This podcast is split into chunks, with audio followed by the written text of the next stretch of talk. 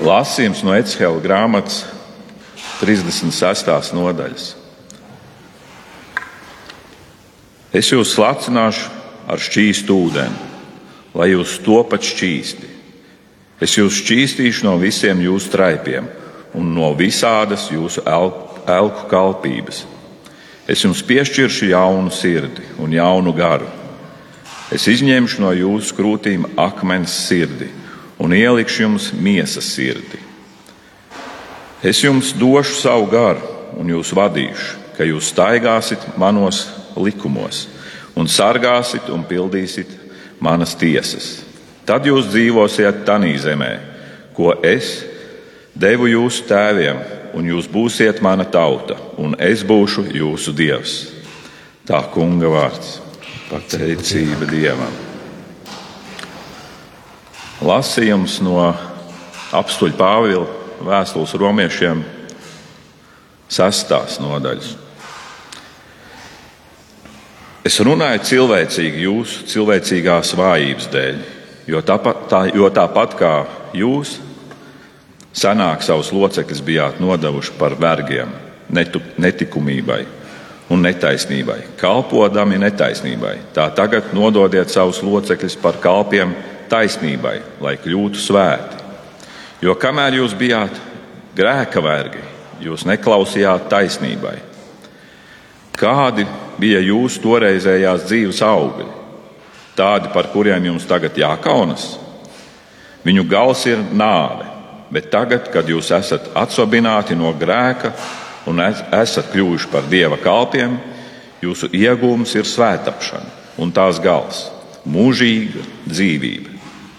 Tātad grēka alga ir nāve, bet dieva balva ir mūžīga dzīvība Kristū Jēzu, mūsu kungā. Tā kunga vārds - pateicība Dievam. Dievam. Lasījums no mūsu kunga Jēzus Kristus evanģēlija uzrakstījis Svētais Matei 7. nodaļā. Uzmanieties no viltus praviešiem. Tie nāk pie jums savju drēbēs, taču no iekšpuses tie ir plēsīgi vilki. Jūs viņus pazīstat pēc augļiem. Vai tad kāds lasa vīnogas no ērkšķiem vai vīģes no daļiem? Tā katrs labs koks nes labus augļus, bet nelāga koks nes sliktus augļus. Labs koks nevar nest sliktus augļus, nedz nelāga koks labus. Ik vienu koku, kas nenes labus augļus, nocērt un iemet ugunī. Tātad pēc viņu augļiem jūs tos pazīsiet. Tā kunga evaņģēlīs. Mēs lūdzam, Kungs, nāc ar savu svēto garu un uh, atver mūsu sirdis šim tavam mums dzirdētam vārdam. Un uh, mēs lūdzam, Kungs, ka tavs vārds iekrīt mūsu sirdis kā laba sēkla un es bagātīgus augļus. Svētī mūsu tavā patiesībā, jo tavi vārdi ir patiesība. Āmen. Lūdzu, sēdiet!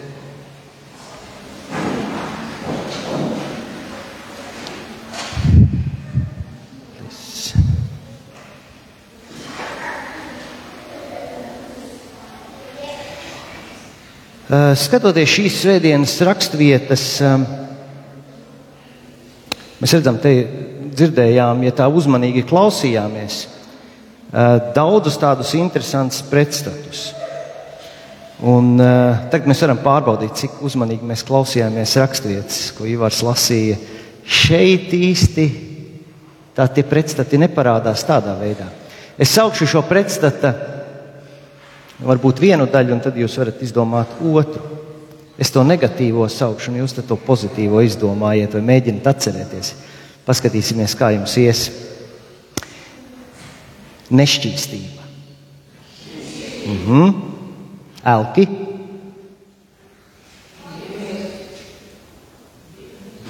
Jā, tas kungs. Miesas sirds. Jā, tas man bija samainījās otrādi. man šī tā bija, mums bija čigāna pasākums Sabilē, un tad tur bija Somu čigāni, un tad bija uh, tūks viņiem, kas tulkoja no Somu valodas uz Krievu valodu, un tad tur kā čigāni nesaprata krieviski, un tad vēl bija kādi latvieši, un tad tur bija baigās mišungs, un es tā kā mēģināju runāt krieviski, un man tulkoja čigāniski, un tad es brīžiem pārlecu uz latviešu valodu, uz čigānu valodu. Tas tā sanāk tādā sajukumā. Um, nešķīstība, ļaundarība. Šis bija jādzird lākstiet, jo tagad jau ir grūtāk. Nešķīstība, ļaundarība.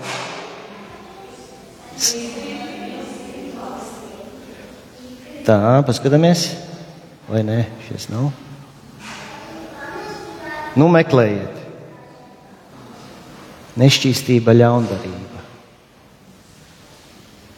Es pats nevaru atrast.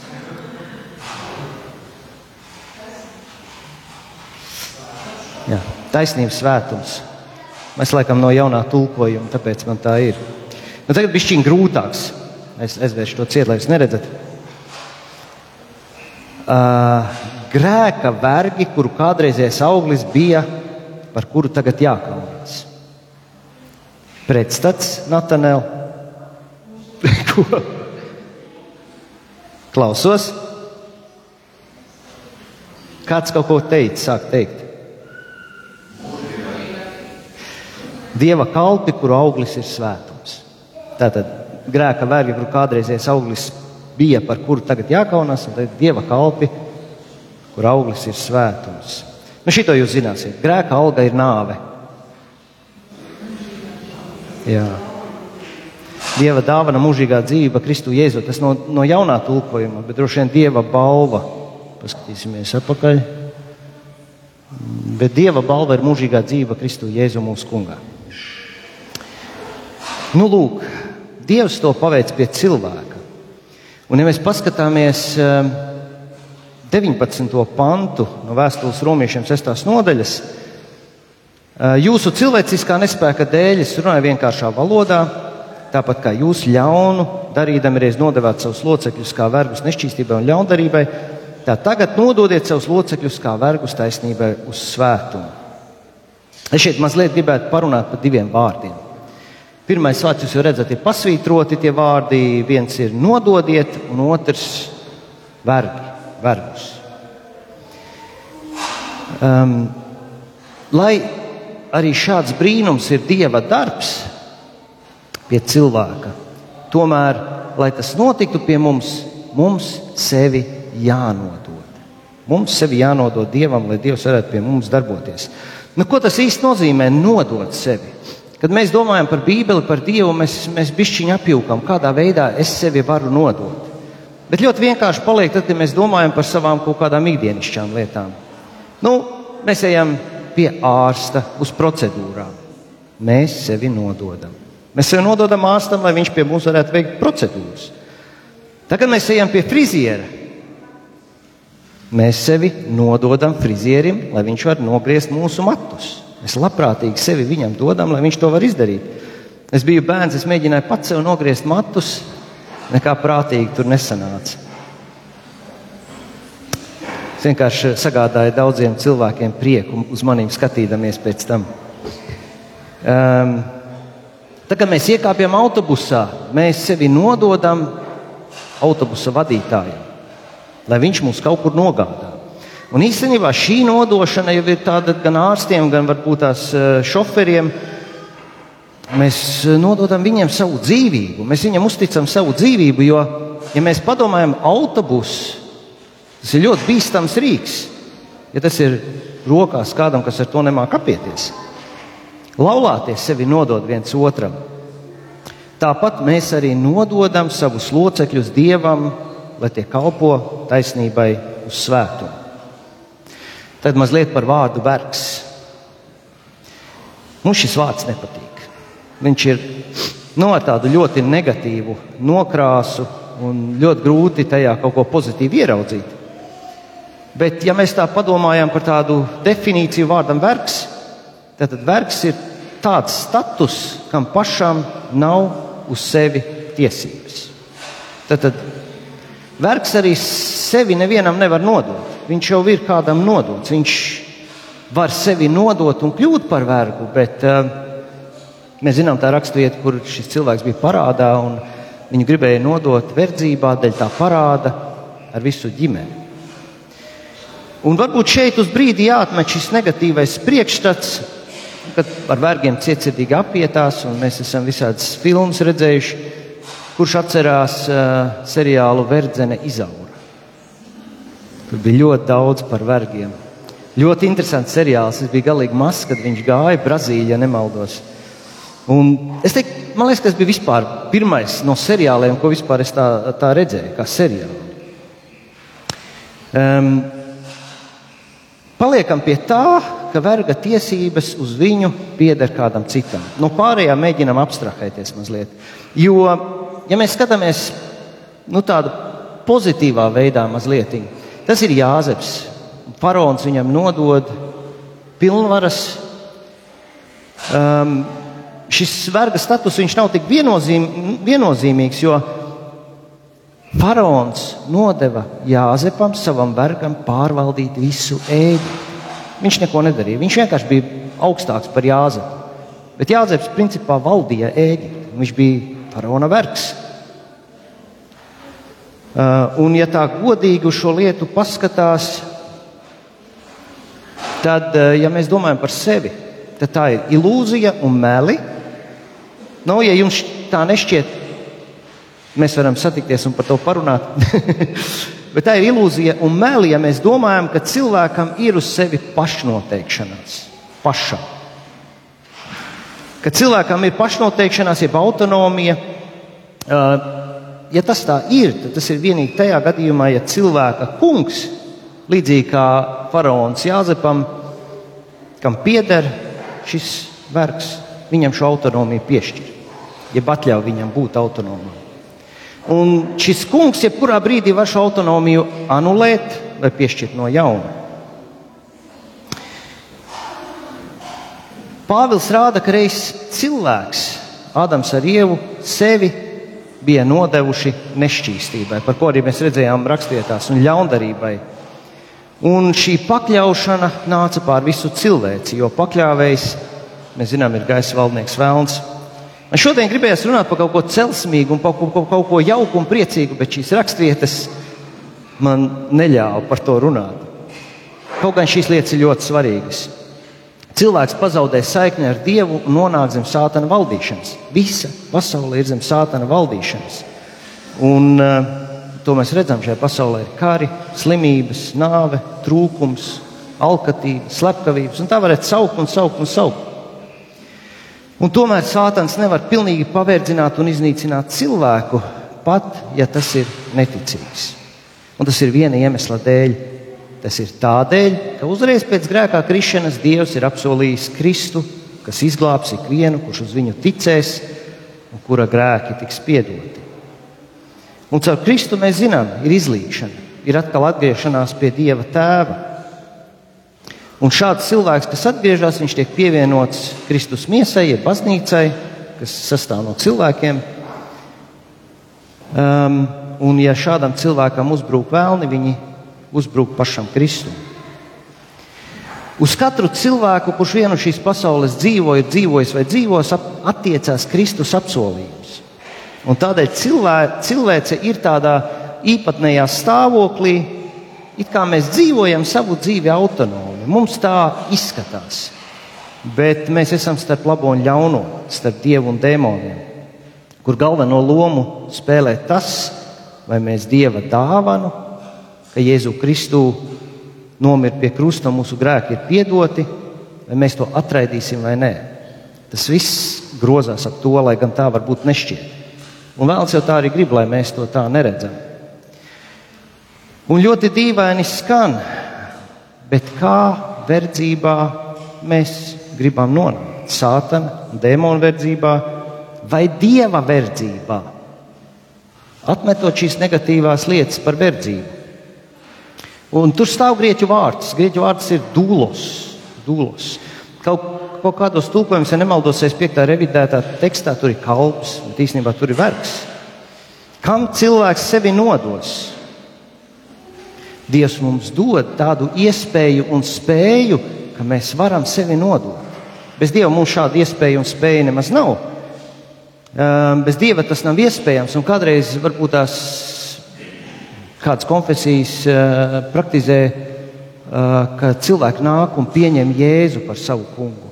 Viss jau ir kārtībā. Dievs dod spēju, ka tie cilvēki var nākt un pieņemt Jēzu par savu kungu. Bet, bet tas ir greizi domāt, ka viņi paši ir spējuši izlemt un nākt pie Dieva un pieņemt Jēzu par savu kungu.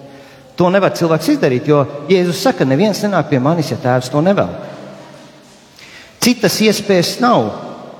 Ja cilvēks nodos sevi vienam kungam, tad pazaudēs, tad otrs pazaudēs tiesības uz šo cilvēku. Un tā ir brīnišķīga lieta. Ja mēs nododam sevi dievam, visi vēlni pazaudē tiesības uz mums.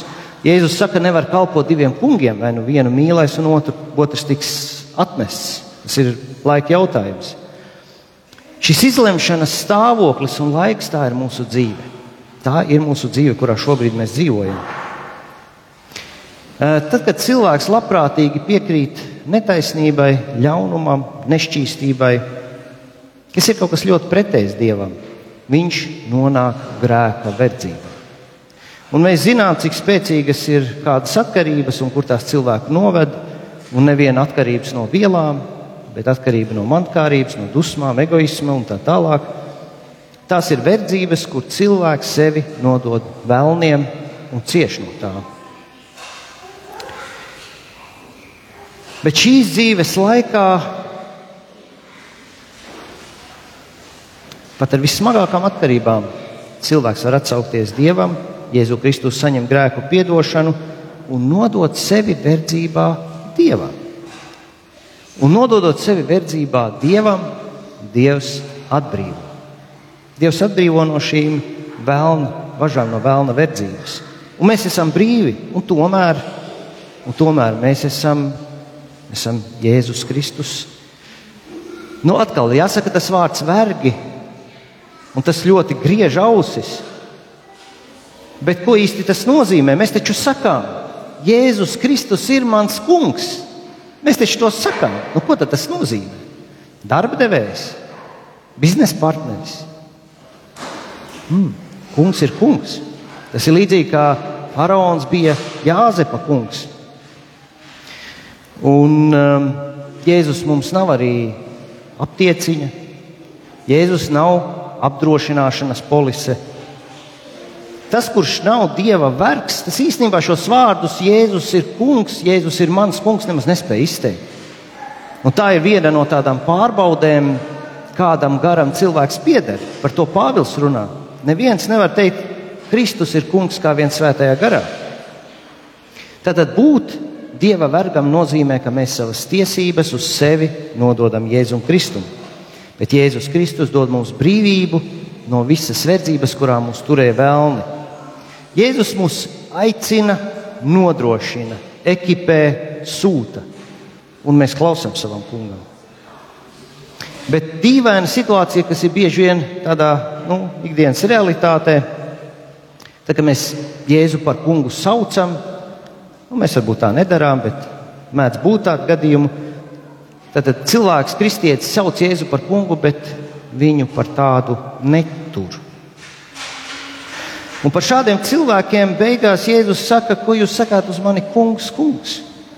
Es jūs nepazīstu. Kāpēc nepazīstu? Tāpēc, ka šie cilvēki nepieder Kristum.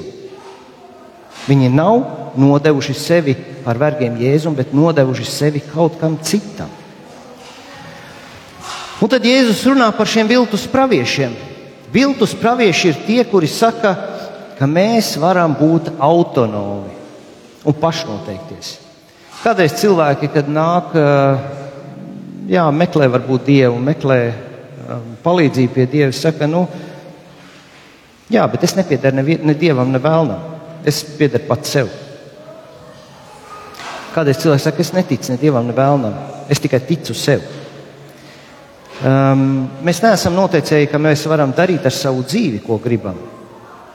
Tā var tikai Dievs.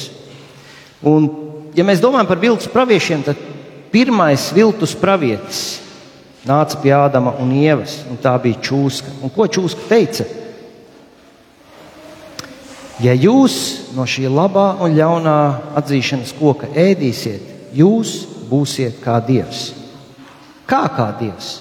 Nu tā, ka Dievs ir tāds, kas, kam ir autonomija, kas, kam ir pašnoteikšanās, kas var pats lemt, ko viņš darīs, nerēķinoties ne ar ko. Viņš ir suverēns. Viņam pieder visa vara. Viņš ir vis, visstiprākais pār visām lietām. Un, nu, mēs varbūt domājam, ka Vēlns ar Dievu tā cīnās un ir līdzvērtīgi, bet tas tā nav. Dievs ir pār, liet, pār visām lietām. Vienīgā problēma, teiksim, ja Dievs nebūtu mīlošs un taisnīgs, nu, tad būtu cauri. Dievs pats sevi ierobežo. Vienīgi Viņš pats sevi var ierobežot kādās lietās, neviens cits. Bet, ja mēs ticam meliem, ka mēs esam kā Dievs, ka mums ir pašnoteikšanās, tie, kas to saka, ir viltus pravieši. Un mēs redzētu, ka, š, ja, ja mēs tā papētītu dziļāk šo pašnoteikšanos, mēs redzam, ka tas ved postā. Pravietis tas ir aicinājums ar funkciju būt par dieva ruporu. Ja pravietim jānodod dieva griba cilvēkiem. Un šodien pasaulē ir pilns ar viltus praviešiem, uz viņiem viegli uzķerties. Un to, ko Jēzus saka, no viņu augļiem jums tos būs pazīt. Šie pravieši tēlo, ka viņi vēlas mums labu, bet īstenībā viņi pretendē uz Dievu balsi, liekot tajā iekšā savu balsi, savas domas, savas intereses. Tie grib pakļaut cilvēku, izmantot to saviem mērķiem. Un šādi pravieši ar vien vairāk sāk parādīties baznīcā, sabiedrībā. Viņi sludina pašnoteikšanos.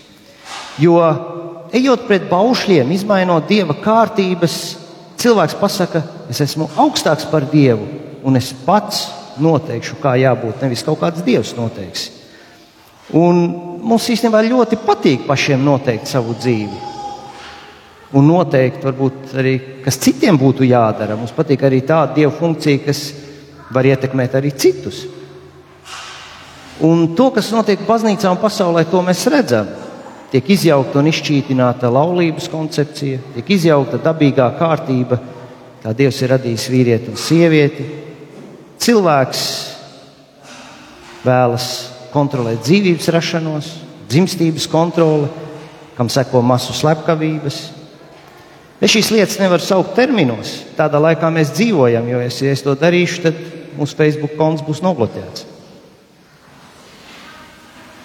Mēs jūtam, ka par kādām lietām kļūst aizliegts runāt, tam seko sankcijas.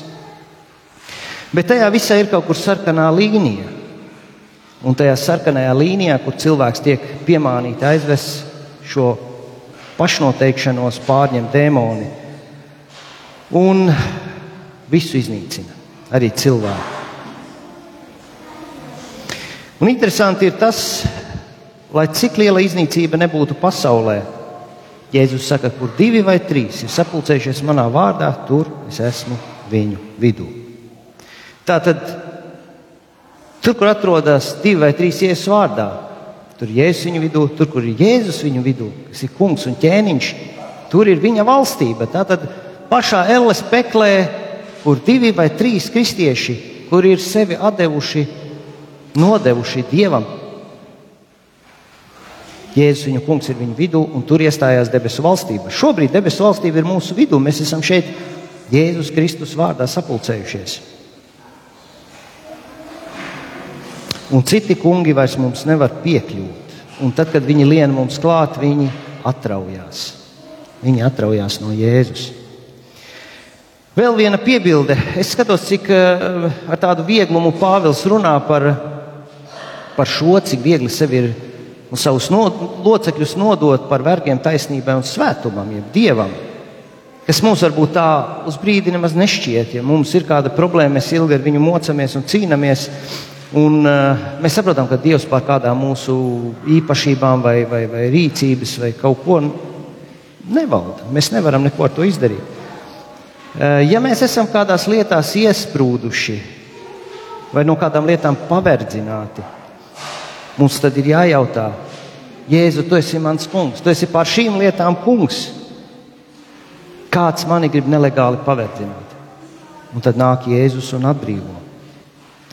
Un ja mums ir vēl ilūzija par šo pašnoteikšanos, mēs esam uz slidenes takas. Mēs sekojam viltus praviešiem, un augļi, jeb galamērķis, nav labs sagaidāms. Un Ādams ar Ievu mums tam rāda piemēru. Lai nevienam nav šaubu par to, kam mēs piederam. Ja Jēzus ir mans kungs, tad man Jēzus īstenībā ir jāslavē, jāpielūdz un jāparāda visai redzamai, neredzamai pasaulē savu piederību. Un es novēlu, ka Jēzus atver mūsu sirdis un ausis, kur tās vēl ir ciet, ka mēs Jēzu klausām un paklausām. Un lai tas sagādā mums milzīgu prieku. Jēzus mūs mīl, un tādēļ viņš cieta, mira un uzkrāja visus mūsu grēkus sev, lai atpirktu no verdzības, kur vēlni ir cilvēku paverdzinājuši. Un arī no Dieva taisnās tiesas par ļaunumu, ko esam sastrādājuši, Jēzus atbrīvo. Dzīvosim tajā, baudīsim to, neļausim viltus praviešiem sevi piemānīt, bet pilnībā nodosim sevi Kristum, mūsu kungam. Amen!